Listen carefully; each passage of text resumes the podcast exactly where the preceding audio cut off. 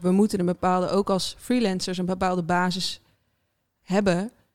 Dat er nooit iemand is die lager kan gaan. Want dan neuk je eigenlijk iedereen op de niet chille manier.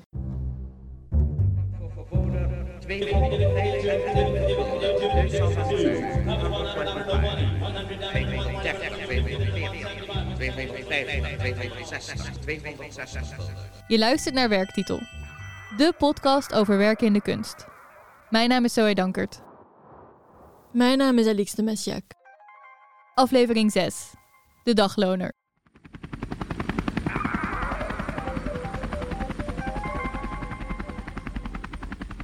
Bij het bedenken van werktitel hadden we meerdere thema's en invalshoek op het oog.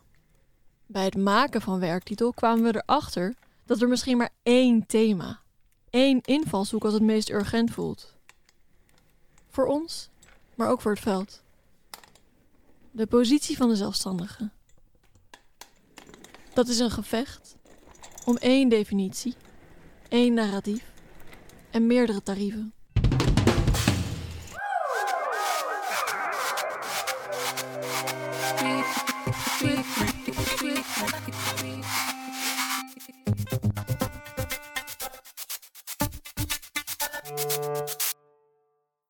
Afgelopen aflevering hoorde je Peter van den Bunner van de Kunstenbond. Dan is het nou een, uh, een zegen en een zelfstandig ondernemer en moet je die zoveel mogelijk met rust laten? Hij vertelde over de diepe politieke splijting rondom de zelfstandigen. Of is het een gemankeerde arbeider die uh, doodgeknuffeld moet worden? We hebben het al eerder gezegd en we gaan het blijven herhalen. De cijfers lopen uiteen wat betreft het aantal zelfstandigen in de beeldende kunst. De benamingen en breedte van de sector ook. Maar volgens een paar mensen die je gaat horen in deze aflevering zitten we ergens tussen de 60 en de 80 procent. 80. In deze aflevering, die samen met aflevering 7 een tweeluik vormt over de zelfstandigen, spreken we zoals vanouds mensen over hun werk en levenservaringen. Kunstenaars, curatoren, docenten, een ex-galeriehouder. We beginnen bij Mariska van den Berg.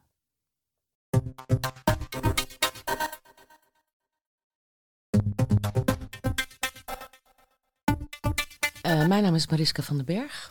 Ik ben 57 jaar. Ik heb kunstgeschiedenis en kunst en beleid gestudeerd. En ik werk momenteel als freelancer. Ik maak veel boeken, maar heb op het moment ook een tentoonstelling uh, bij Tent in Rotterdam. En ik geef anderhalve dag per week les aan het Master Institute for Visual Cultures in Den Bosch. Dus AKV Sint-Joost. Mariska leidt ons door aflevering 6 en 7 heen omdat zij met haar diverse ervaringen exemplarisch is voor in de beeldende kunst. Ik had natuurlijk een geschiedenis van een heleboel opleidingen die ik niet interessant vond. En dit is wat ik wilde doen. En ik ben wel zelf altijd heel ondernemend geweest om plekken te zoeken. Weet je, dus ik was nog niet afgestudeerd en toen heb ik al brieven geschreven aan Fons Welters, aan Paul Andriessen, omdat ik daar dan misschien iets kon verdienen. En daarnaast altijd zelf projecten bedacht en ontwikkeld met een aantal mensen. En het lukte ook om een baantje te krijgen in een galerie, waar ik natuurlijk ook ontzettend veel geleerd heb. Want het werd Paul Andriessen, die had plek. En daar heb ik vier jaar gewerkt. En dat is een waanzinnige ehm, introductie in het circuit, in het Nederlandse circuit, maar ook in het internationale circuit. Uh, we gingen naar Venetië, naar Kassel, naar beurzen. Ja, het was een fantastisch begin.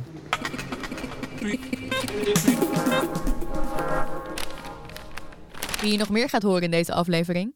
Gabriel Lester, Jeroen Boomgaard, Nadine Roy, Rianne Groen en Thijs Leister. Wie we ook spreken zijn Christel van de Ven en Peter van den Bunder. Zij zijn belangenbehartigers. Mensen die bruggen en spijkers met koppen proberen te slaan. In de politiek, de wetgeving en de arbeidsverhoudingen tussen en in sectoren.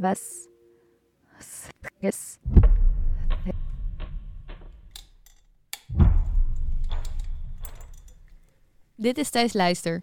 Wanneer ben je eigenlijk een arbeider? Docent aan de Universiteit Groningen. De man die achter zijn kinderen aanrent.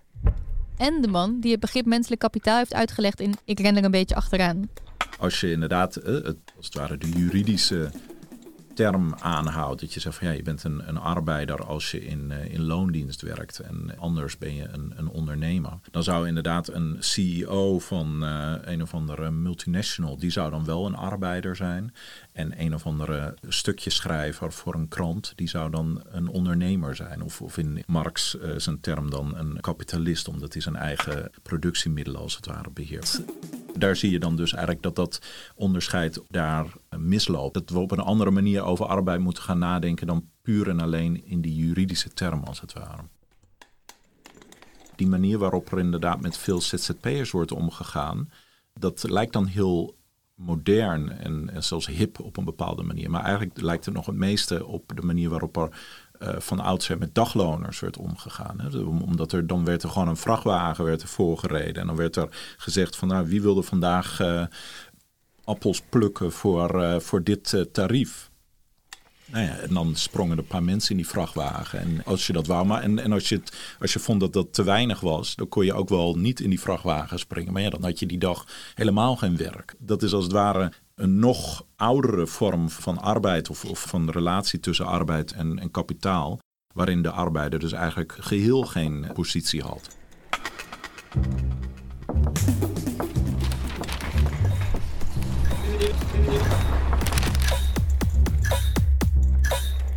Hoe we tegen arbeid aankijken en tegen ons werkende leven aankijken, is altijd verbonden met bepaalde waardes. Meerdere sociologen en filosofen die hebben laten zien hoe eigenlijk vanaf de jaren 60, 70 zo'n beetje, hoe er een kentering is gekomen in het soort waardes dat we verbinden aan arbeid. Als je kijkt naar oudere vormen van arbeid, dat was vaak heel erg verbonden met waardes als je plicht doen, spaarzaam zijn. Je, je, je bouwt iets op voor, voor later en ook loyaliteit naar, uh, naar je werkgever en zo. Dus dan was het ook helemaal niet belangrijk dat dat werk bij je paste of, of dat het uitdagend was of zo. Maar het was vooral dat wat je deed omdat je uh, je plicht deed en omdat er brood op de plank moest.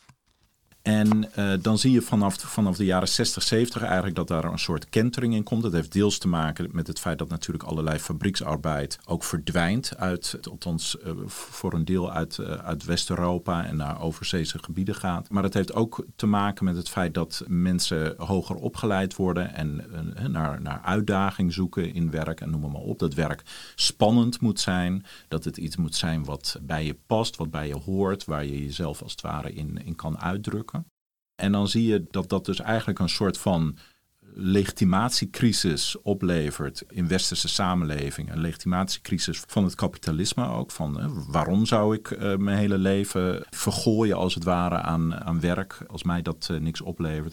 En dan zie je dus dat er eigenlijk allemaal nieuwe vormen of nieuwe verhalen zou je het kunnen noemen rond werk ontstaan. Waarbij werk inderdaad spannend moet zijn. Of waar werk, waarbij je flexibel en autonoom en, noem maar op moet zijn. En het interessante daar is denk ik dat al dat soort waardes die dan vanaf dat moment eigenlijk steeds meer aan werk verbonden wordt. Dus dingen als autonomie, authenticiteit, uh, flexibiliteit, dat die ontleend worden aan een soort van artistieke logica. Dus eh, juist, juist die waarden die van, van oudsher aan uh, bijvoorbeeld de 19e eeuwse bohemien werden toegeschreven. Dat hij geen 9 tot 5 mentaliteit had. Dat hij telkens nieuwe projecten uh, aanpakte en zo. Die werden in één keer ook in de werksfeer als het ware geïntroduceerd. En dat begon natuurlijk op uh, hogere, je zou het kunnen noemen, hogere managementniveaus. Uh, maar dat begint dus ook als het ware steeds meer neer te sijpelen in andere vormen van werk. Inderdaad, tot aan de taxichauffeur en de bouwvakker en de zorgmedewerker, die ook in één keer een project aan, aan moet pakken. En die inderdaad geen 9 tot 5 mentaliteit moet hebben, uh, maar die als het ware een veel, veel grotere vorm van identiteit identificatie met, uh, met zijn werk heeft. En wat ik voor een deel probeer te doen, ook in, in dat boekje, is te laten zien. Dat boekje is Verenigd U. Het is een essay over arbeid, hoe het georganiseerd is en hoe er naar wordt gekeken. In dat boekje is te laten zien dat dat dus eigenlijk een soort van ideologische beweging is, die uiteindelijk heel erg in dienst heeft gestaan van nieuwe vormen van, van uitbuiting. Ik bedoel, voor een deel kun je natuurlijk zeggen van ja, het is wel degelijk zo dat, dat een arbeider of een werknemer, dat hij daar zelf ook bij gebaat is, hè, bij autonomie en bij flexibiliteit. Maar het wordt dan tegelijkertijd verbonden aan onzekerheid en slechtere uh, arbeidsomstandigheden. dus die, die waardes die worden als het ware gemobiliseerd om arbeid uit te buiten, om het zo maar cru te zeggen.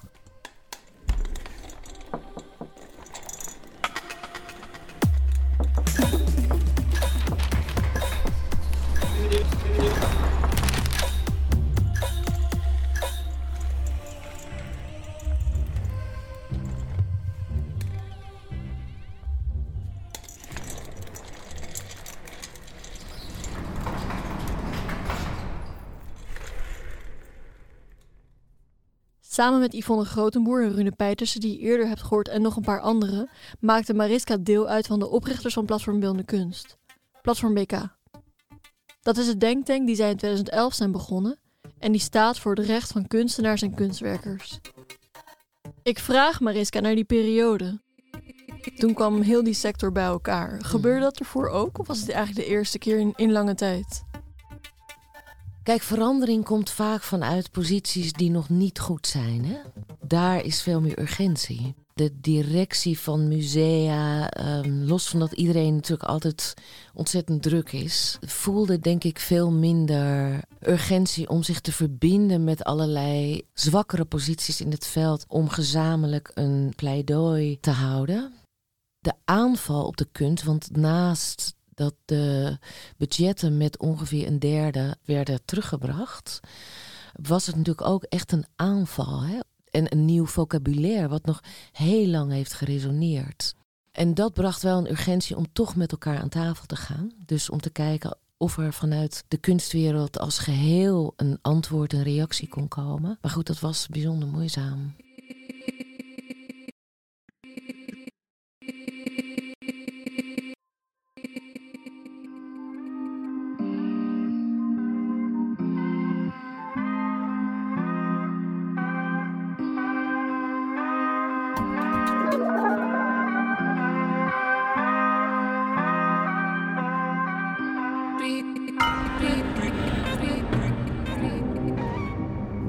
Peter van der Bunder en ik werk bij de Kunstenbond. Daarvoor bij het Pensioenfonds Kunst en Cultuur gewerkt. Uh, gesjeesde econoom, uh, later rechten gedaan en affiniteit voor de kunsten. Altijd die affiniteit gehouden. En via het pensioenfonds professioneel werkzaam geworden voor de kunsten. Kon ik mee uh, met het pensioenfonds naar Zeist, naar zorg en welzijn. Maar toen heb ik ervoor gekozen van, ja, nee, de vakbond. Het wordt wel wat meewarig soms van naar gekeken. Werk je voor een vakbond, ouderwets of iets? Nou, ik denk dat de vorm misschien wel ouderwets is. Daar kan best wat aan verbeterd worden. Maar ik denk dat een instituutvakbond relevanter en belangrijker is dan ooit. De statistieken wijzen het uit in, in landen waar een sterke vakbondsmarkt georganiseerd is. Ja, zijn de sociale verhoudingen gewoon beter en zijn ook de inkomensverdelingen veel minder scheef. Het is natuurlijk prachtig om te zeggen van uh, ja, doe het allemaal zelf. En uh, waarom zou je vastklinken aan een, aan een collectief of, of je daarin door laten beperken? Maar ik denk dat die ambitie om het allemaal zelf te willen doen en, die roze wolk die wordt voorgespiegeld, die American Dream, dat je die toch met z'n allen heel snel aan doorprikken bent. How work works.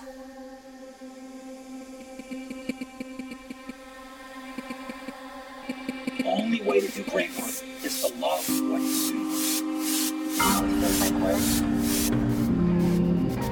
As with all matters of the heart, you'll know when you find it. How work works. So keep looking. Don't settle. Work.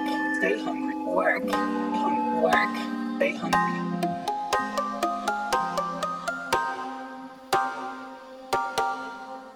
wanneer ben je nou zelfstandig? Het is goed om je te realiseren dat zelfstandige arbeid is er altijd geweest. Pas op het moment dat er ook vergelijking met werknemers opgaat, dan wordt het een probleem. En dat zie je ook dat het een probleem wordt, omdat in praktijk heel veel kunstenaars gewoon rollen en taken van werknemers zijn gaan vervullen. Kunstenaars is voor mij een soort voorbeeldberoep in die zin voor de, de breedte. Dat is de kabelshower bij mediaproductie. Dat is ook gewoon de uitvoerend muzikus. Dat is ook iemand die decors bouwt tot een kleine toeleverancier, ontwerper daaraan toe. Het is de hele keten. Die keten is ontzettend breed en rijk geschakeerd. En wat mij betreft, alle werkenden in de kunsten en creatieve industrie. Kijk naar culturele vacatures. Zoek op freelance ZZP. En lees wat men dan vraagt. Nou, dan is het bijna altijd een soort baan die men aanbiedt. Soms eh, is het ook gewoon eh, heel duidelijk. Je solliciteert eh, als freelancer. Ja, hoezo? Als je gewoon zuiver beschouwt. Nee, ik bied een dienst aan als freelancer. Verhuur mezelf. Hoezo solliciteren? Solliciteren doe je op een baan. Dus de mindset is dat de mensen alles door elkaar halen. Terwijl het onderscheid in praktijk financieel-economisch van belang is. En hoe tel je dat dan af? Of het sprake is van een baan of een opdracht, is heel makkelijk. Drie criteria. Is er sprake van loonbetaling? Dan persoonlijke arbeid. Moet jij het werk verrichten of kun je door willekeurig iemand anders laten vervangen? En dan de derde, gezag. Is er sprake van gezag? Dat is soms wat lastiger, maar je voelt zelf al best wel aan van als je een opdracht krijgt met alleen een instructie, van ik wil dan een ontwerp hebben. Ja, natuurlijk zijn er instructies, maar dat zal niet snel gezacht zijn. De opdrachtgever heeft er geen verstand van ervaring van, heeft er geen kennis van. Laat het aan jou. Waar gaat het natuurlijk kantelen? Als je bij wijze van spreken bij een instelling gaat werken, waar ook werknemers zijn, waar formeel gezag wordt uitgeoefend of in praktijkgezag. Als je daar zeg maar als ZZP'er werkt, en nu komen we bij het kunstvakonderwijs aan, waarin zit dan de legitimatie dat bij de een sprake is van gezagsuitoefening en de ander niet? Als je vanuit je eigen praktijk je lessen maakt en ontwikkelt, nou, dan breng je de beroepspraktijk bij, uh, bij studenten in beeld. Uh, jij stelt je lesprogramma samen. Tuurlijk moet je op bepaalde lestijden binnen de instelling bewegen. Op het moment dat die lespraktijk eigenlijk gewoon een vast onderdeel is van de opleiding. Onze opleiding bestaat uit praktijkdocenten. Dan voel je al dat het wel gaat kantelen. Van hé, hey, maar is de kernactiviteit dan. Is het eigenlijk niet gewoon een structurele inbedding? En waarom zijn die mensen dan niet in dienst? Dan wordt het al moeilijker om te verantwoorden dat het puur een, een, een gastdocent of een praktijkdocent is. En eigenlijk in die twijfelgevallen zou je gewoon moeten nadenken van, hé, hey, wat moet ik doen? Of ik geef mijn docent dan de autonomie die past bij de opdracht. Of hij is eigenlijk wel aardig onderdeel van die instelling en ook van de manier van, de, van het lescurriculum, maar dan hoort hij in dienst te zijn. En volgens mij, als je heel eerlijk bent, je gaat als instelling en als docent-kunstenaar samen dat gesprek aan. Waarschijnlijk bevalt de uitkomst niet en durft men er niet te zeggen, maar ik denk dat ze allebei eigenlijk wel weten wat heeft hier nou de boventoon. How.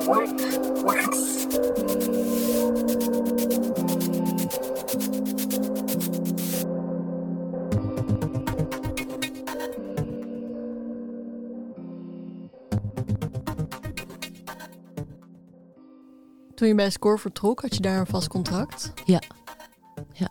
En jij je wilde graag freelancer worden omdat je dacht ik wil de vrijheid? Of... Ja. En wat bij mij speelde is, kijk, Score richt zich op kunst en het publieke domein. Hè? Het was niet alleen openbare ruimte, het waren heel veel verschillende vormen van openbaarheid. Dus toch heel erg de uitwisseling en het gesprek opzoeken en onderzoeken wat kunst daarin kan betekenen. Dus ik heb zelf behoorlijk wat projecten gedaan in de gezondheidszorg. Echt interessante dingen met hele mooie kunstenaars. Als je zo'n curatorenpositie aanneemt, je kunt op een aantal verschillende manieren onderzoeken. Maar op een gegeven moment heb je zeg maar dat areaal van wat je zelf te brengen hebt en wat je interesseert, ook wel bespeeld. En wat ik niet wilde, is toch twintig jaar in een baan blijven zitten, omdat het goed betaald is. Ik wilde gewoon weer andere dingen doen. Ben je tussen dat je wegging bij Score en nu, wilde je graag een vaste baan in dat moment? Of is dat niet aan de orde geweest? Nee, op een of andere manier. Um, ik heb één keer gesolliciteerd als curator, maar verder eigenlijk nooit. Ik vond het wel, um, die combinatie van dat lesgeven en het freelance is iets wat me heel goed past. Ik vind het een hele fijne, mooie combinatie. En iets anders is dat er maar zelden banen langskomen waarvan ik denk dat lijkt me heel erg leuk. Hoeveel uur per week geef je dan nu les? Ik eh, geef anderhalve dag les, ja. En is dat, zijn die uren ook echt, die ervoor staan, ook echt wat je erin investeert? Nee, bij lange na niet, nee. Hoe kan dat? Omdat er aan de ene kant hele hoge ambities zijn, die niet realistisch zijn in relatie tot de budgetten voor de docenten. Uh, omdat we in een transformatieproces zitten. Um, wat interessant is en waar ik wel graag deel van uit wil maken. Dus je investeert ook. Dat is de ene kant. En de andere kant is dat je in het werken met de studenten je ook aan hun verbindt. Daar komt het door. Ik wil ze ook graag helpen. En ik wil er ook zijn, ook als mijn uren op zijn. 23, 30, 30, 23, 50. 70 zijn we al, heren. 80.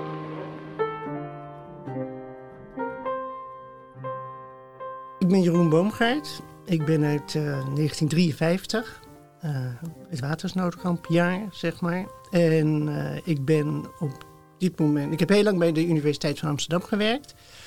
Uh, daar ben ik met pensioen. En ik werk nu nog bij de Gerrit Rietveld Academie als lector Art and Public Space. Ik heb altijd heel veel onbetaald werk gedaan. Ik, ik ben ook nooit tijdens de studie al zijn we eindeloos krantjes aan het maken geweest, boekenreeksen opgezet. Allemaal heel veel uren ingestopt die allemaal niet betaald werden. Waar ik ook nooit over nagedacht dat dat betaald zou moeten worden. Dus ik, dat, zo denk ik nog steeds. Als je, en ik verbaas me soms bij studenten die je vraagt om ergens aan mee te helpen, die dan meteen iets hebben van word ik ook betaald. Terwijl ik denk, je mag ook ergens in investeren, weet je? Dus wat is het probleem om gewoon wat, wat energie en tijd te investeren in iets wat waar je van leert en wat spannend is en wat, wat iets moois kan opnemen. Dus nee, dat heb ik altijd gedaan. Nou, ik woonde dus tot mijn vijftigste uh, in onderhuur. Dus dat was op, uh, en dat was in de Jan Luikstraat. Dat was uiteindelijk niet super duur, niet vergelijkbaar met wat het nu kostte. Maar dat was toch wel. Nou, dat was wel een flinke. Dat was wel de helft van mijn inkomen ongeveer. Dat was best veel. Ik verdiende, denk ik, 1500 bij de UvA of zo. En, uh, en de huur was 750. Uh. Maar dat was voor een etage uiteindelijk in onderhuur. Maar dat was wel met anderen in een huis en heel veel geluidsoverlast. En toch best een lastige woonsituatie. Gewoon eigenlijk nog steeds een studentenbestaan. Wat op je vijftigste toch iets minder leuk begint te worden. Ik had me voor sociale woning nooit ingeschreven, omdat ik dacht, nou, daar ben ik kansloos en het heeft geen zin met wachtlijsten van 15 jaar. En kopen was gewoon uitgesloten. Was gewoon helemaal uitgesloten. En huren ook. Verder iets anders huren, een zelfstandige woning in de vrije markt, kon ik ook niet betalen. Dus nee, het is ook... dat was niet anders in die tijd. Maar heb je door dat soort situaties wel af en toe gedacht, bijvoorbeeld, of om andere redenen, van hey, ik ga gewoon uh, ander werk zoeken? Ik stop ermee met de kunst en de universiteit? Nee, en... nooit gedacht. Nee, echt niet. Nee, want ik heb altijd gedacht, ik doe wat ik leuk vind. Ik vind dit leuk, wat ik aan het doen ben. En ik vind niet, niet alle omstandigheden die erbij komen leuk, maar dat, ik, zou, ik kon ook geen ander werk verzinnen, denk ik. Ik zou niet weten wat het had moeten zijn. Nee. Dus dat het leuk was, was ook een deel van de betaling eigenlijk? Ja, absoluut, tuurlijk. Ja. ja, maar daar moet je het van hebben. Weet je, je kan nog je kan heel goed betaald werk hebben, maar als je je kapot verveelt of, het is, of je wordt gekleineerd, dat is niet te doen. Dat hou je niet vol. Ook al betaalt het nog zo goed.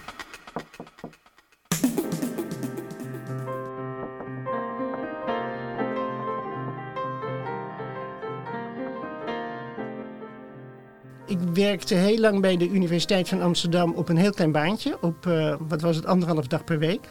En toen was ik ook aan het promoveren, maar, maar dat baantje, daar moest ik van overleven.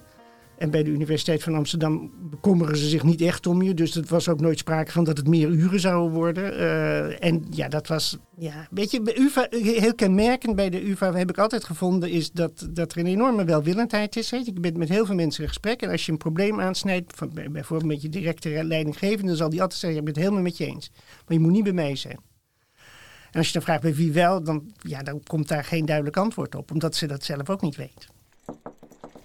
In die tijd kreeg hij na een paar jaar een vaste aanstelling. Maar die vaste aanstelling was, zoals ik zei, anderhalve dag per week. En er werd ook. Er was toen een hoogleraar die, die docenten met opvattingen zoals ik. Uh, over ja, meer linkse kunst, weet ik veel wat. Dat vond hij allemaal doodeng. Dus er werd ook nooit een functioneringsgesprek gevoerd. Ja, als je het aankaart bij de personeelsdienst. Zo van: Goh, weet je wel, wat is mijn toekomst? Dan zeiden ze: Nou, laten we praten over outsourcing Om met andere woorden, eh, jij gaat ergens anders heen. Weet je? We gaan, ja, waarvan ik dacht, weet je, ik, ik functioneer goed. Jullie functioneren ik functioneer goed. Dus dat, maar goed. Dat zijn rare situaties. Dat was wel een zware tijd wat dat betreft. Om te overleven. En, en, en geen, kijk, heel lang vond ik het prima om geen toekomst te hebben. En dat vind ik nog wel. Maar steeds maar te blijven hangen op een niveau van net niet doodgaan was niet heel, was niet heel fijn. En dat was in, in die tijd, ik was ook heel lang de laatst aangestelde docent. In die tijd zat ook, was echt sprake van een enorme crisis. Alles zat helemaal op slot gewoon. Tussen 83 en 95. Dus er was behoorlijk weinig perspectief. Ook in mijn omgeving, anderen die afgestudeerd waren. Ik, was nog, ik had nog geluk dat ik een baantje had, heel veel anderen hadden het niet.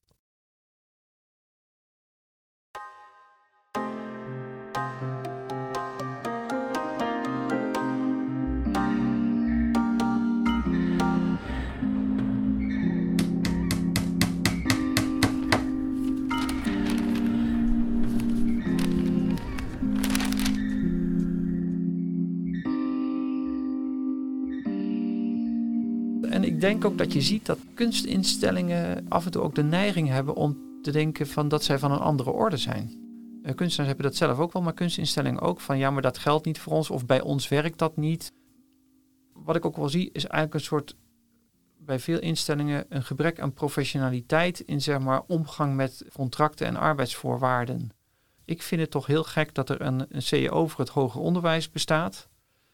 Ja, en dat dat toch bij veel kunstvakopleidingen niet de, de, de ultieme norm is waar je naar handelt, maar daarnaast gewoon omdat je nou eenmaal zeg maar ook uh, praktijkdocenten hebt en, en gastdocenten en daarmee wil werken, dat je eigenlijk de uitzondering, de praktijkdocent als aanvulling op, op de vaste docent, dat je dat als norm hebt uh, verheven. Eigenlijk zie je een soort omkering dat de uitzondering de norm wordt en dan wordt er wel eens geschreven, ja, maar sommige docenten of dit of dat, we willen vernieuwen en dat zit dan eenmaal vast of die zitten er al zo. Je hoort allerlei kwalificaties dan ook over zittende mensen of dit of dat. En dan denk ik, ja, hoezo dan? Als je dat zegt, en dat zegt, wordt nooit hardop gezegd, maar wel tussen de regels door, uh, dan heb je dus eigenlijk gewoon 30, 40 jaar misschien geen goed personeelsbeleid gevoerd of nooit geïnvesteerd in je mensen.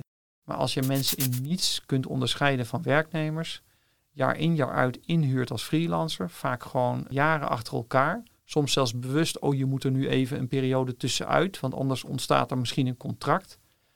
Dat is gewoon misbruik. Dan moet je onderkennen van, dit is eigenlijk gewoon een dienstverband. Op zijn minst kun je het vragen.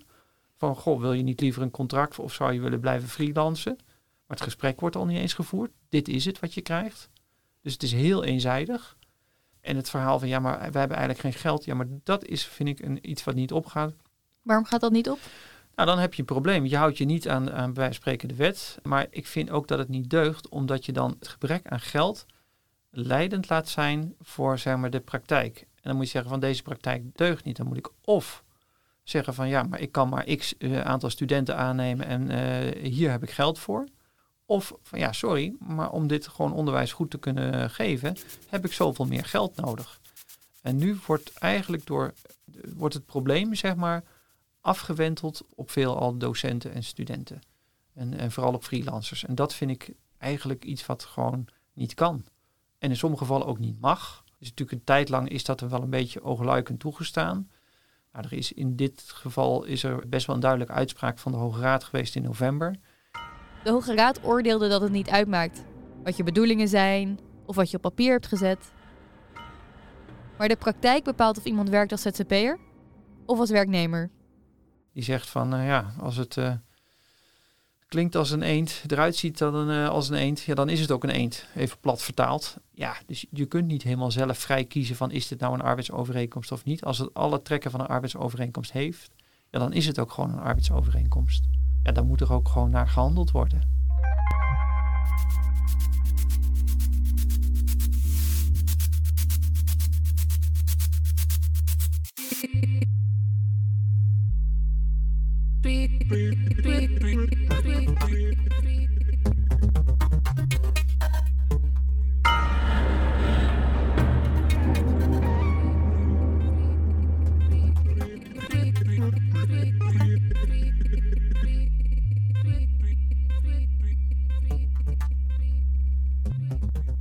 Je had het over het onderzoek van de SER, dat, iemand, dat iedereen zich toen helemaal uh, rot schrok.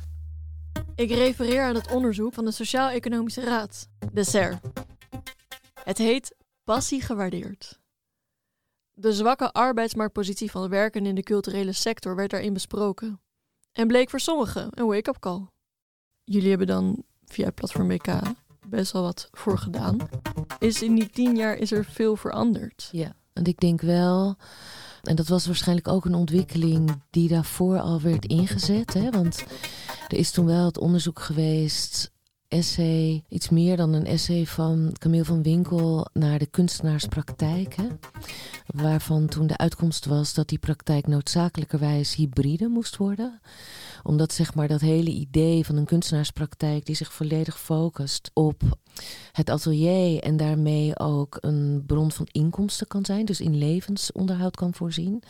Dat stond toen al enorm onder druk, omdat eigenlijk de praktijk toen al was dat nou, degenen die het meeste geluk hebben, hebben een baantje op een academie. Toen was natuurlijk ook het beurzenstelsel nog zo dat als je een beurs had, kon je gewoon vier tot zes jaar vooruit. Hè? En met name academisch waren er soms ook op ingericht. Ik heb lesgegeven op een academie en daar gaf ik uh, anderhalve avond uh, les. En ik verdiende 426 euro per maand daar. Dat was ingesteld op het idee dat mensen ofwel een, ja, dat ze een beurs hadden.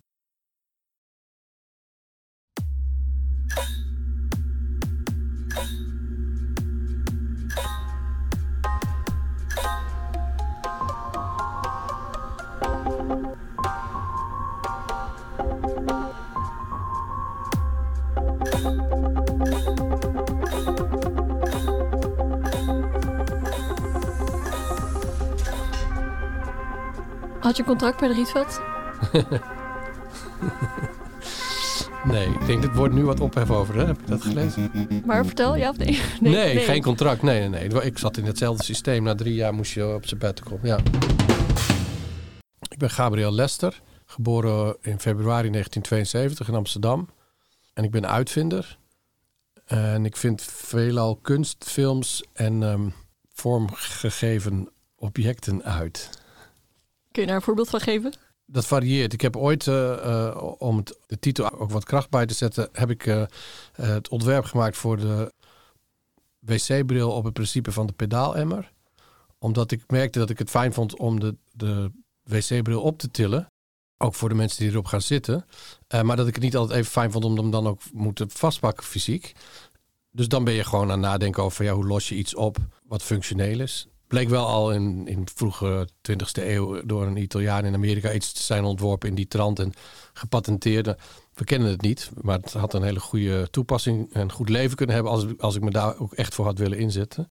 Ja, en anderzijds is het ook gewoon heel normaal dat ik de vraag krijg dat een opdrachtgever uh, of een andere instantie die uh, kunst in publieke ruimte realiseert, ook gewoon een hele consequente vraag heeft van ja, het is een plek waar mensen zich onveilig voelen, er moet licht komen.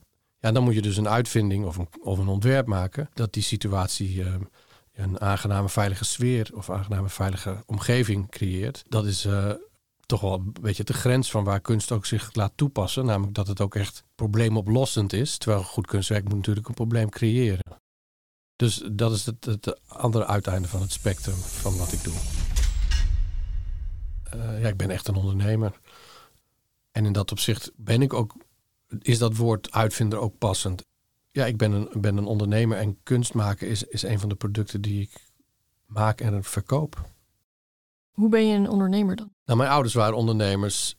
Mijn vader bouwde muziekinstrumenten. Mijn moeder die had een kleine voedsel, een soort uh, biologisch dynamisch voedselbedrijfje. Uh, strooisel kun je gewoon in de biowinkel kopen. Bestaat nog. Mijn moeder bestaat niet meer, maar dat product nog wel. En wat leer je dan is bijvoorbeeld dat, dat je maakt dingen overdag, maar je zit s'avonds ook gewoon de cijfertjes te doen en het boekhouden. Het vervelende werk. Dus de, de verantwoordelijkheid die je moet hebben voor. Hè, dus de, de, er moet wat in de, in de motor, maar de motor moet ook worden onderhouden of zo. Dus dat, het, dat vinden veel kunstenaars toch een beetje zoiets. En dat leer je ook niet op kunstacademies.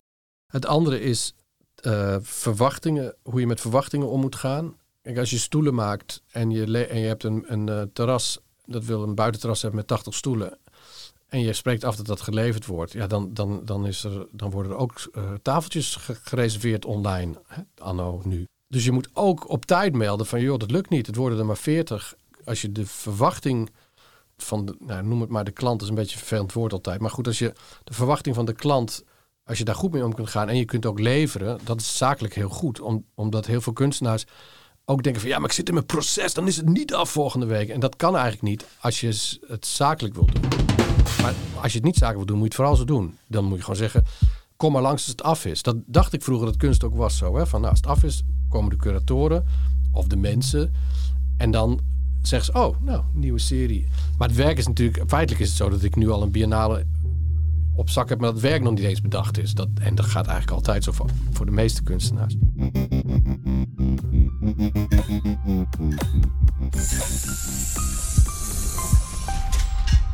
Dan neem je een opdracht aan, een order krijg je dan. Het is gewoon supply and demand. Dan moet je dus zorgen dat je dat aan kunt. Dat je, capaciteit, dat, je de capaciteit voor hebt. Nou, het is heel simpel, maar het is gewoon dat is zoals een bedrijf werkt. Uh, orders, capaciteit, uh, levering uh, en, het, en het weten omgaan met, met je klanten, zodat ze niet op woensdag een vervaren hebben uitgenodigd, om, maar dat jij je stoelen niet hebt geleverd. Dat is altijd slecht nieuws. Toen ik op de Rijksacademie zat, dan belde ik naar een bedrijf van plastic of wat ik nodig had, een grondstof of materiaal. En dan zei ik, goedemiddag, ik spreek met de assistent van Gabriel Lester. En het feit dat ik het professionaliseerde, terwijl ik gewoon zelf was natuurlijk, maakte dat ik serieus werd genomen. Ik zei ook heel vaak, ik ben bezig met een theaterproductie.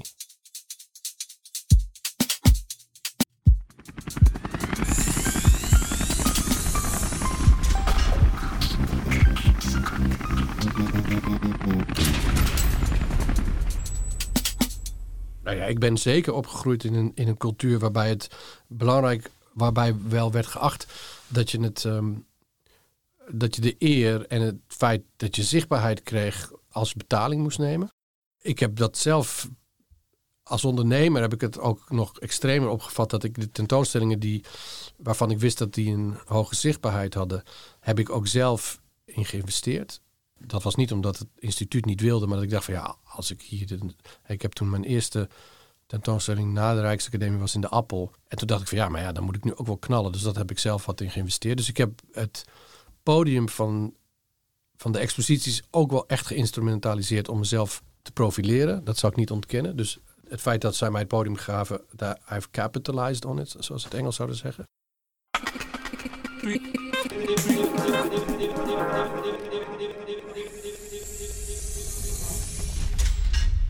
Ben nu sinds zes jaar ben ik uh, het bestuur van Melly, dat voormalige Witte de Wit. En daar pas begon ik echt voor het allerduidelijkst te zien dat de grafisch vormgever, de bewaker, de opbouwploeg, dat alle posten die hadden gewoon een uurvergoeding of een overeenkomende prijs, behalve de kunstenaars. En dat, dat geldt niet voor Melly zelf, alhoewel daar ongetwijfeld ook heeft gespeeld. Maar dat ik eigenlijk zag dat die post van die kunstenaar op een gegeven moment in dat rijtje terecht kwam goed, nogmaals gezegd hebben, dat moet niet zo zijn dat ik dat nu zeg dat dat de praktijken in Rotterdam waren. Maar het was wel in die periode dat ik inzage kreeg over hoe je financieel een instituut opbouwt, dat ik me echt goed realiseerde dat er alles wat er omheen vliegt, dat ook een podium heeft. Want je kunt als constructiebedrijf ook zeggen van nou kom eens kijken daar, want dat hebben wij gebouwd. Dat die allemaal heel duidelijk financiële afspraken hadden. En dat dat bij de kunst eigenlijk nooit, nooit zo helder is geweest. Zeker niet in de eerste 15 jaar dat ik kunstenaar was probeer eigenlijk een soort rationaal te creëren van de kunstenaar. Maar de kunstenaars klaagden er niet over. Omdat je, je, komt niet, je klopt niet bij je buurman aan in de Rijksacademie met de opmerking van... Goh, ik zit nu in de tentoonstelling en ik krijg 500 euro voor wat je wel zegt. Van Nicolas Bourriot heeft me gevraagd. Want dus ja, dat podium. Ja, ik denk dat het begint te morren als je inderdaad het gevoel hebt dat je geïnstrumentaliseerd wordt voor een eigenlijk onzichtbare plek of een periferie ergens Waarbij ik denk van ja, maar ik sta hier toch gewoon iemand zijn maandloon vorm te geven. Dat dat begint te pijn te doen. Maar inderdaad, je hoopt op aansprekende tentoonstellingen. En dan is geld wel het laatste waar je aan denkt. Heb je veel subsidie mogen ontvangen in je carrière? Dat is, dat is een tendentieuze vraag die ik niet op die manier ja. heb. Maar ik bedoel meer van, wat zijn daarin de mogelijkheden geweest voor jou? Um, nou, als start zeker. Heel erg belangrijk geweest. Uh, zoals ik al aangaf, ik had ook geen cent te makken. Mijn ouders ook niet ik mag met enige trots wel zeggen dat toen die uh, WIC, Wet Inkomsten Kunstenaars, uh, in het leven werd geroepen. Misschien heb je al eerder van de WIC of de WWIC gehoord. Eerst kwam het 1 En toen kwam het ander. Wet inkomensvoorziening kunstenaars en wet werk en inkomen kunstenaars boden kunstenaars een paar jaar de gelegenheid om een aanvulling op hun inkomen te krijgen. Daar waren wat voorwaarden aan verbonden. En in ruil daarvoor kregen kunstenaars tijdens de WWIC, die zeven jaar duurde, 70% van de bijstand. In 2012 was het einde oefening voor de WWIC. Dat er een onderzoek is geweest onder de Nederlandse kunstenaars, door een journalist van Volkskrant volgens mij, eh, relatie tussen wat je bereikt hebt en hoeveel steun je hebt gekregen. En dat ik het minste had gekregen. Dat wil zeggen dat ik dus in relatie tot wat ik had bereikt, het minste subsidies had gehad. Dat was natuurlijk tijdens de WIC, dus dat is, dat is tien jaar geleden. En sindsdien heb ik sporadisch wel een subsidie zelf aangevraagd. Maar gebeurt het meestal dat een binnen- of buitenlandse eh, instantie een concept heeft en mij toestemming vraagt of ik eh, mijn handtekening wil zetten onder een aanvraag die zij doen om eh, een subsidie te krijgen voor het project waarvoor zij mij uitnodigen. Dan is er via de, instituten best wel ook wel echt geld die kant op gevloeid.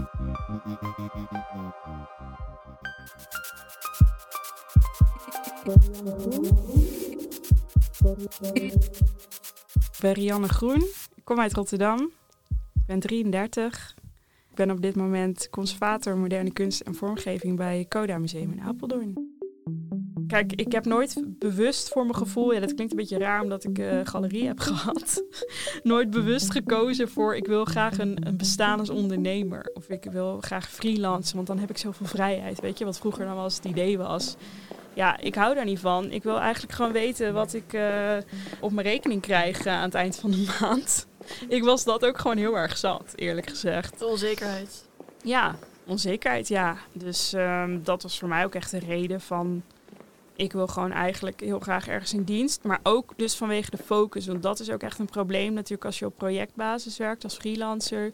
Dat je soms, kijk, om jezelf te kunnen onderhouden moet je aan meerdere projecten tegelijk werken. En dan werk je niet fulltime voor iets, maar er wordt wel een soort fulltime aandacht gevraagd. Dus je kunt zeg maar, dat merkte ik heel erg toen ik in Dordrecht zat, want daar zat ik dus op kantoor. Dus dan heb je toch een iets ander ding. Maar dan werd ik bijvoorbeeld daar op kantoor, werd ik heel tijd gebeld voor mijn andere project omdat ze denken van ja, de freelancer kun je altijd bellen. Maar ja, dan moest ik daar zo naar de gang lopen en dan stiekem even dat telefoontje opnemen. Ja, dat, dat is gewoon niet handig.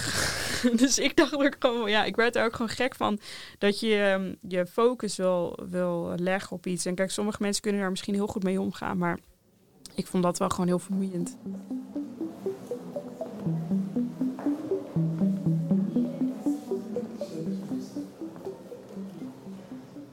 die beurzen, dat was altijd wel een soort, soort van terugkerend punt. Om dan even te meten hoe je ervoor stond voor mijn gevoel. En vond ik ook altijd heftig, want daar hing dus zoveel van af. Om te verkopen bedoel je? Ja, het was bijvoorbeeld in 2017, toen ja, was eigenlijk de keus, werd me een beetje voorgelegd van nou ga nou maar een keer dan naar die hoofdafdelingen, de main section heette dat dan op Art Rotterdam. Maar ja, dat, dat kost dus, uh, ja, wat was het toen, 7500 euro of zo ja, als je dan alleen. Kijk, ik werkte natuurlijk vooral met uh, jonge kunstenaars. Dat werk is best betaalbaar. Dus wat je dan moet verkopen, alleen al om kiet te draaien, ja, dat is gewoon best wel veel op zo'n moment. Maar goed, toen toch maar gekozen van nou alles op alles. Maar dat voelt dus een beetje alsof je in het casino zeg maar al je fiches inzet op één nummer. Four, fifth, sixth, zo voelt het echt voor mij. Want ja, op dat moment, ik had gewoon niet echt een buffer. Ik kon het wel steeds redden, weet je, en dan kon je steeds weer een extra stapje. Maar dat kost dan ook weer meer geld. Dus zo blijf je dan toch ja, op een soort niveau dat het altijd een beetje kiele kiele is. Dus dat, dat was ook wel echt lastig daaraan. En hoe betaalde je jezelf dan? Had je een constructie daarin of was het gewoon wat er overbleef? Ja, dat was inderdaad een beetje wat er overbleef. Eigenlijk is het altijd wel financieel best wel zwaar geweest voor mij. Maar goed, dat jaar 2017 was toen echt zo'n jaar dat ik dacht, nou, het kan wel. Toen ging die beurs ook heel goed. Ik had een hele mooie plek, zo in dat eerste stuk van de beurs. En het zag er geweldig uit. En ik had een heel groot stuk in het NSC. En ja, dan zit alles dus mee eigenlijk. Ja, toen het jaar erop viel, toch weer wat tegen. En dat merkte ik wel bij de galerie van het, het werd gewoon nooit een keer relaxed of zo. En dat is natuurlijk sowieso, denk ik, met ondernemer zijn. Ja, weet je, dat, dat financiële, dat trok echt aan me. En ik vond, ik vond dat ook moeilijk, want daar wilde ik het eigenlijk niet zozeer over hebben. dat ik ook een beetje vast zat in dat systeem voor mijn gevoel met die beurzen. En dat, daar hoor je ook, ja, al mijn collega's hadden het daar ook altijd over. Zeg maar, iedereen klaagt erover. Van, we zitten soort vast in dat systeem met die beurzen en het moet anders. Maar hoe precies? Weet je, daar, daar werd ook heel vaak over gesproken op de borrel.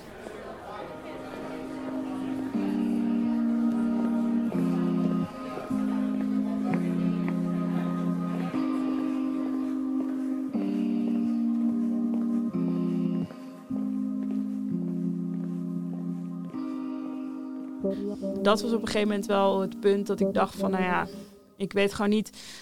Ja, dat is wel goed om te zeggen van op een gegeven moment, eh, wat jij net zei van hoe ondersteunde je jezelf. Ik ben er ook op een gegeven moment echt naast gaan werken. Toen kreeg ik op een gegeven moment de kans uh, om voor het nieuwe instituut wat te doen. Toen ik begon bij het nieuwe instituut, toen was dat eigenlijk mijn eerste project wat ik deed naast de galerie. En toen was ik echt zoiets van, ja, het maakt me echt niet eens uit wat het uurtarief is. Ik heb gewoon nu ook geld nodig.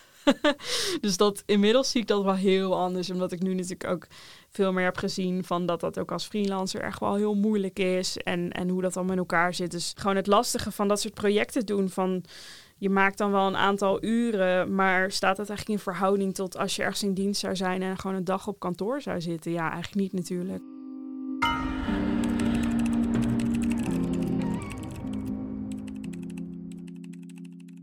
Heb dat echt wel een paar jaar volgehouden.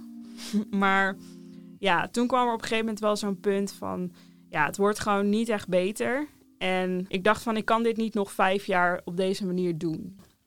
Want je wil natuurlijk ook ook gewoon meegroeien met je kunstenaars en de mogelijkheden die er zijn. En je wil die die mogelijkheden bieden. En ik had wel het gevoel dat ik elke keer een soort van level hoger ging en, en meer toffe dingen kon doen. Maar ja, dan kost het ook weer meer geld. Dus je kwam elke keer weer een beetje op hetzelfde probleem uit. dat er dan onder de streep eigenlijk weer niks overbleef. En toen had ik ook op een gegeven moment een gesprek met uh, een verzamelaar die vaker werk bij mij had gekocht. En uh, wel wat zakelijker type dus. En die zei ook van ja, maar reken je ook dan daadwerkelijk wel eens dingen uit? Van wat brengt de kunstenaar op en, en wat brengt dit op en wat investeer je waarin?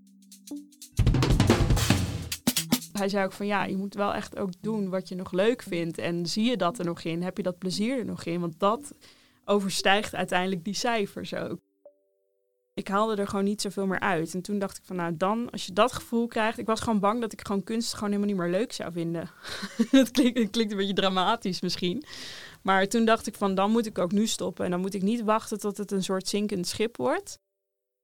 Toen ben ik al wel een tijdje langer ben ik op zoek gegaan naar een baan. En ja, toch weer terug naar het uitgangspunt. Oh ja, maar wat heb ik ook weer gestudeerd en wat vond ik daar zo leuk aan en wat wilde ik daar eigenlijk mee doen? Voor mij was toch het meest logisch van ik wil toch echt een curator of conservatorbaan. Bij Coda is grappig, dat valt onder de bibliotheek CAO. Eigenlijk een soort van, uh, het verschil is wel echt groot, want dat viel me wel op. Mijn ouders waren laatst 40 jaar getrouwd, nou, bijzondere gelegenheid. En toen kwam ik er via via achter dat je daar dus gratis een vrije dag voor krijgt. Omdat dat dan een bijzonder verlof is. En ik was echt zo van, wow, ik wist niet eens dat dit dan bestond of dat dat kon. en dat heb ik wel eerder ervaren dan hoe soort van niet normaal ik het dan vind dat als je bijvoorbeeld ziek bent, dat je dan wordt doorbetaald. En dat is natuurlijk wel echt een gevolg van het systeem waar we nu in zitten. Dat als freelancer dat je zo weinig zekerheden en bescherming eigenlijk uh, hebt. Daar schrok ik gewoon bijna van. Van hoe, hoe normaal dat dan is in zo'n CAO. Dat dat allemaal gewoon best wel goed is geregeld.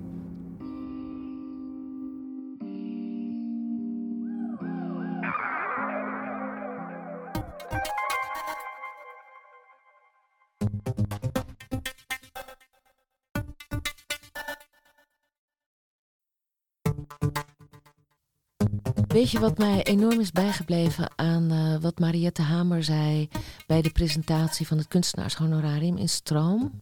Dat zij zei: Oké, het niet meer ingebed zijn in een contract, in betaling, in secundaire arbeidsvoorwaarden, sociale zekerheid. De precariteit daarvan, dat is iets waar in de kunstwereld, zeg maar uh, vooruit liep. En ook een soort voorbeeld is geworden. Volledige beschikbaarheid, volledige precariteit. En dat is zo ver gegaan dat waar het een soort creatieve model was. Hè. Zo moeten we allemaal gaan werken. En we doen allemaal nog de e-mail in de, het weekend. We zijn allemaal voortdurend beschikbaar. Dat is gekeerd, want het is echt naar een nul. Het is onder het nulpunt gegaan. Dat zij zei, nu met dit, deze honorariumrichtlijn, hopelijk betekent dat een ommekeer in de kunstwereld.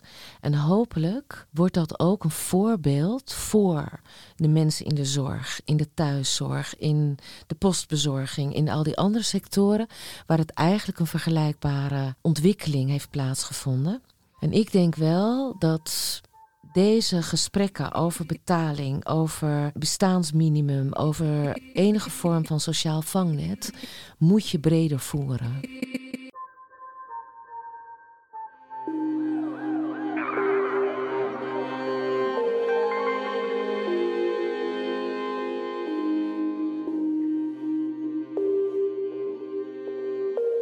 Ik ben Christel van der Ven, ik ben 48 jaar. Ik ben voorzitter van de Vereniging Zelfstandige Nederland. Daar ben ik ongeveer twee dagen in de week mee bezig. En de rest van de tijd ben ik zelfstandig ondernemer en doe ik onderzoek en geef ik advies op het gebied van uh, veranderende werkrelaties en modernisering van de arbeidsmarkt er zijn nog wel wat studies van wat, nou, wat verdient nou gemiddeld een zelfstandige en wat verdient nou gemiddeld een werkende. En dan is het eigenlijk in Nederland, als je kijkt naar de werkenden, dan hebben we het over modaal inkomen. En wat zelfstandigen gemiddeld verdienen, dat is dan iets minder dan modaal.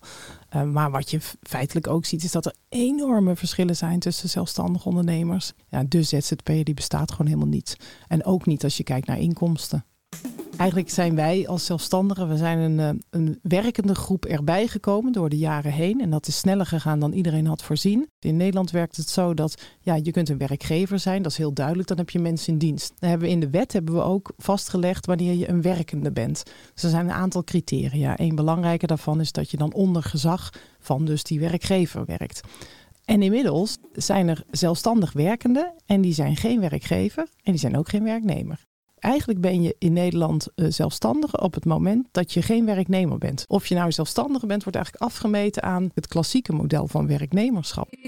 Nee, ja, nu is eigenlijk iedereen waar we niks mee kunnen, of we niet precies weten hoe dat zit, die hebben dan maar een soort ZZP'er gemaakt. En dat is inderdaad een vergaarbak geworden van uh, zeer uh, ondernemende en misschien ook wel heel commerciële mensen, tot en met mensen die zeggen: Het maakt me echt helemaal geen bal uit. Nou, en dat moeten we wel eerst scherp zien te krijgen.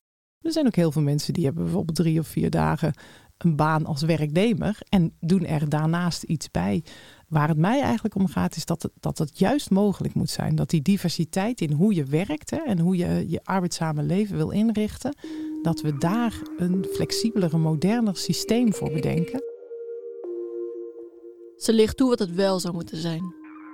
Je bent een zelfstandig ondernemer eh, op het moment dat je allereerst je eigen opdrachten verwerft. En je kunt ook je eigen tarieven bepalen.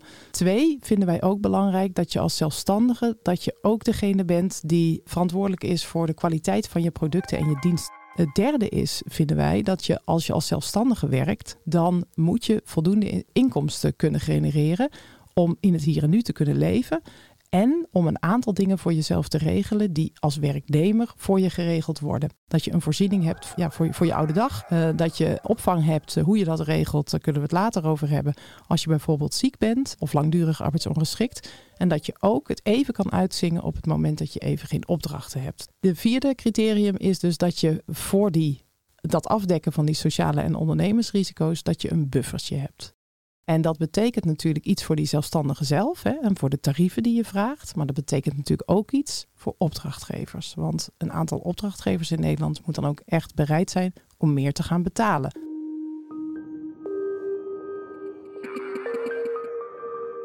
Op het moment dat we eigenlijk met elkaar constateren, er zijn dus mensen die gewoon uh, heel veel uren in de week aan het werk zijn, maar er onvoldoende mee verdienen om van te leven, dan hebben we een maatschappelijk vraagstuk met elkaar te slechten. En dan heb je natuurlijk ook als individu wel voor jezelf eigenlijk elk jaar die vraag te stellen: hoe lang ga ik dit volhouden? En dat is dus wel wat wij ook aangeven van als je zelfstandige bent, ja, dan moet je wel zorgen dat je aan die minimuminkomsten komt. Het is een vraag die je jezelf zou moeten stellen regelmatig, maar het is ook een vraag die de maatschappij aan zichzelf moet stellen. Ja, De vraag die we als maatschappij moeten stellen is: waarom leiden we mensen op voor opleidingen waarvan we zeggen dat zijn waardevolle opleidingen, maar sturen we ze daarna de arbeidsmarkt op waar de tarieven zijn waar je niet van kan leven? En ieder voor zich die werkt, vind ik, moet zich uh, met regelmaat de vraag stellen: verdien ik er genoeg mee om als ik als zelfstandige werk ook voor mezelf te kunnen zorgen? En dan committeer ik me er dus aan dat ik eigenlijk zeg, ook tegen de maatschappij, ik kan voor mezelf zorgen in het hier en nu en een klein beetje voor later.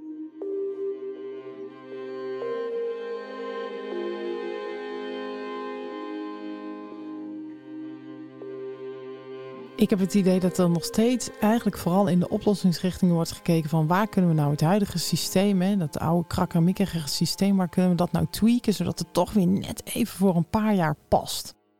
En dat werkt natuurlijk niet. Brengt ook geen echte verandering teweeg. Dus als je nou bijvoorbeeld kijkt naar die arbeidsmarkt, hè, dan denken wij dus dat eigenlijk op termijn voor alle werkenden zou je misschien kunnen zeggen: we hebben een soort basis ouderdagsvoorziening, basis collectieve arbeidsongeschiktheid. We hebben al iets basis uh, bij vraaguitval, dat heet de bijstand. Kun je ook weer van alles vinden over de voorwaarden, maar we hebben het wel.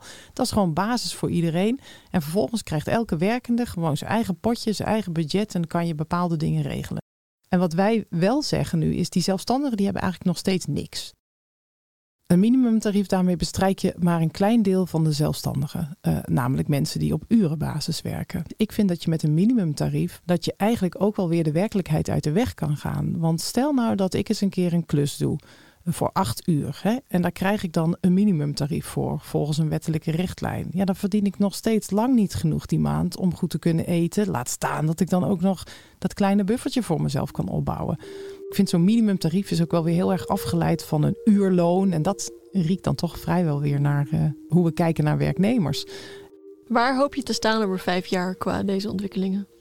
Eigenlijk zou ik dan willen dat, dat we een volwaardige gesprekspartner zijn in maatschappelijke overlegorganisaties uh, in de polder. Dat we inderdaad uh, zelfstandig ondernemerschap uh, in de wet hebben verankerd, zodat je weet wat het is, wat je rechten zijn en wat je plichten zijn. En ik zou het dan heel mooi vinden als we in ieder geval geen collectieve arbeidsongeschiktheidsverzekering hebben voor alleen ZZP'ers, maar wel een collectieve basisvoorziening voor arbeidsongeschiktheid voor alle werkenden, waarbij iedereen dus meedoet. Want dan heb je de solidariteit ook breed over de hele werkende populatie gedefinieerd. En dan kun je het ook uh, kostentechnisch interessant houden.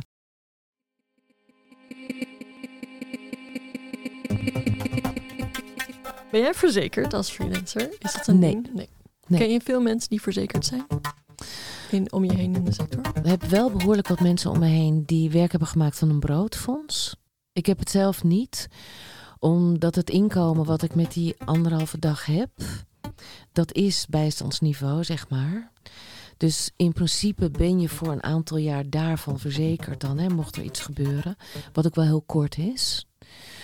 En verder, naast die broodfondsen, denk ik dat de meeste mensen het niet kunnen betalen.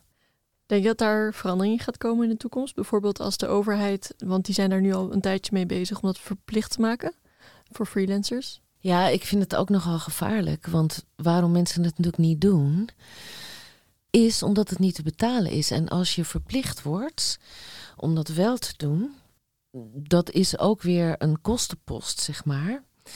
Uh, voor een praktijk die niet veel oplevert. En misschien ook wel weer een reden om het niet te kunnen doen. Dit is natuurlijk ook een gesprek wat we bij het platform hadden. Het is op een gegeven moment, volgens mij was het Wouter Koolmees, die had een soort sommetje. Iedereen verdient toch wel minimaal 15 euro per uur in Nederland. En anders is het niet goed. Daar wordt dan een soort som gemaakt, dan verdien je dus dat. Dus zo'n verzekering mag dat kosten.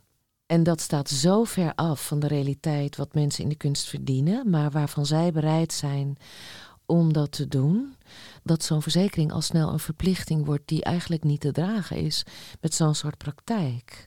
En wat natuurlijk ook een eeuwige strijd is met de Belastingdienst. Krijg ik dit jaar mijn praktijk er weer door? Naast mijn academiebaan, want besteed ik wel genoeg uren in hun ogen? Nee.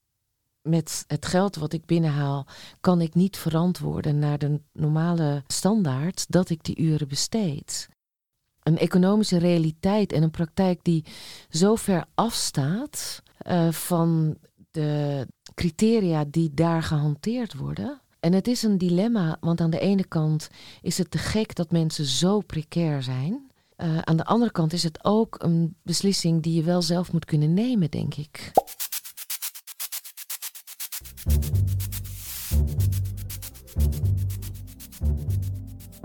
Ik ben Nadine Roy, ik ben 26 jaar en ik ben op dit moment nog traineeship fondsenwerver bij mama. En ik hoop vanaf september een vaste aanstelling te krijgen. Eh, je zegt ik hoop, is dat dan nog niet zeker dan? 90 procent.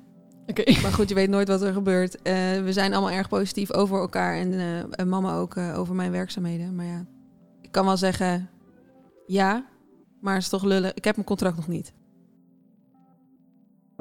Ik heb hiervoor de Willem de Koning Academie gedaan, Lifestyle eh, Design. Nu heet het Lifestyle Transformation Design. En voor mij was die opleiding een beetje te vaag en te rommelig op het moment dat ik die opleiding deed. En ik kwam er wel aan het einde van mijn studie achter dat ik heel graag met mensen wilde samenwerken en wilde faciliteren.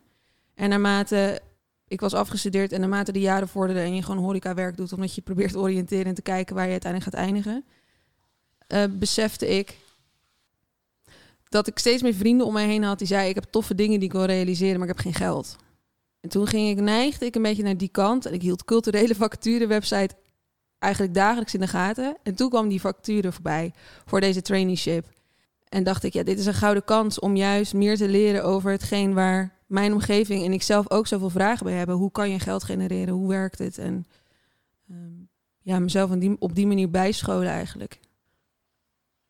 Maar naarmate ik de studie eigenlijk deed, kwam ik er kwam het veel breder op me af. Veel meer maatschappelijk en veel meer eh, de beweegredenen van mensen. Waarom, worden ze, waarom bewegen ze zoals ze zich bewegen? En worden ze soms gedwongen zich zo te bewegen zoals ze zich bewegen? En dat trok mij aan het einde van mijn studie heel erg aan. En wat bedoel je, kun je misschien voorbeelden geven van hoe mensen worden gedwongen om zich op een bepaalde manier te bewegen? Nou, de ene heeft toch wel meer kansen dan de ander. En dat wordt ook gewoon maatschappelijk gedreven. Als ik over straat loop, ehm, of als ik solliciteer, dan heeft mijn naam Nadine Roy, of uh, vroeger ook al gewerkt onder Nadine Bakker, is natuurlijk meteen vertrouwd. Wel weten allemaal dat mensen met een soort niet-Europese of niet-Nederlandse naam nog steeds tot op de dag van vandaag moeilijk hebben. Dat is maar een van de voorbeelden die er zijn. En dat zag jij? Werd toen onder mijn neus geschoven. Ik werd eigenlijk gedwongen het te zien. Ja, ik ben niet vanuit mezelf, uh, helaas. Hoefde ik niet vanuit mezelf daarnaartoe te, naar te kijken, maar werd ik gedwongen vanuit mijn studie, vanuit mensen die ik leerde kennen, om naar mezelf te kijken. Nou, ik ben eigenlijk sinds begin dit jaar freelancer. Sinds 1 januari heb ik hem, heb ik hem aangevraagd. Omdat ik in eerste instantie een jaar lang op persoonlijke titel heb gewerkt. En dat werkte uiteindelijk gewoon niet zo. En ik wil eigenlijk geen freelancer zijn omdat ik juist zie hoe zwaar het is. En ik ontzettend veel respect heb voor succesvolle freelancers en überhaupt freelancers die zo hard hun best doen om een hele bedrijfje overeind te houden. Of een hele bedrijf overeind te houden in hun eentje. Dat ik merkte aan mezelf, maar ik, ik, voel, ik voel ook aan mezelf, ik zou het kunnen, ja. Maar ik heb die drive niet. Dus ik wil liever intern ergens zitten. Dus ben ik nu aan het sparen voor mijn pensioen? Nee. Spaar ik het grootste gedeelte op? Ja. Gewoon überhaupt. Dat, deed ik al. Zodra ik geld binnenkreeg en ik had het niet nodig, dan gaat het aan de zijkant. En als ik dan iets leuks wil doen of ik heb iets nodig, dan uh, ga ik kijken in hoeverre ik er iets af kan halen. En ik heb de mogelijkheid dat te doen.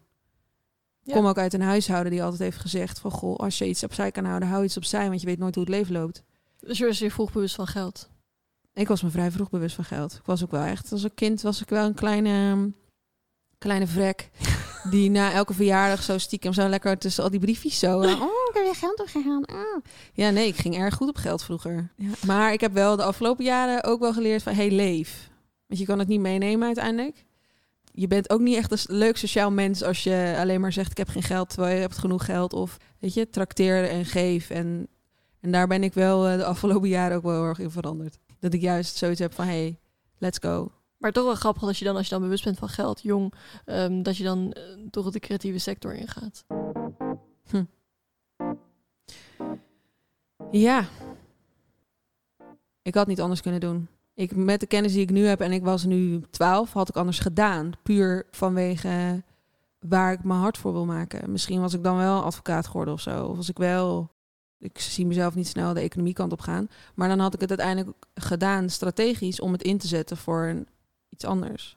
Meer het sociale. Ik, dat is wel iets waar ik, waar me altijd naar geneigd heb. Niet per se naar gehandeld heb, maar ik merkte naarmate ik ouder werd dat dat de mens is waar ik blij van word. Als het goed gaat met mensen.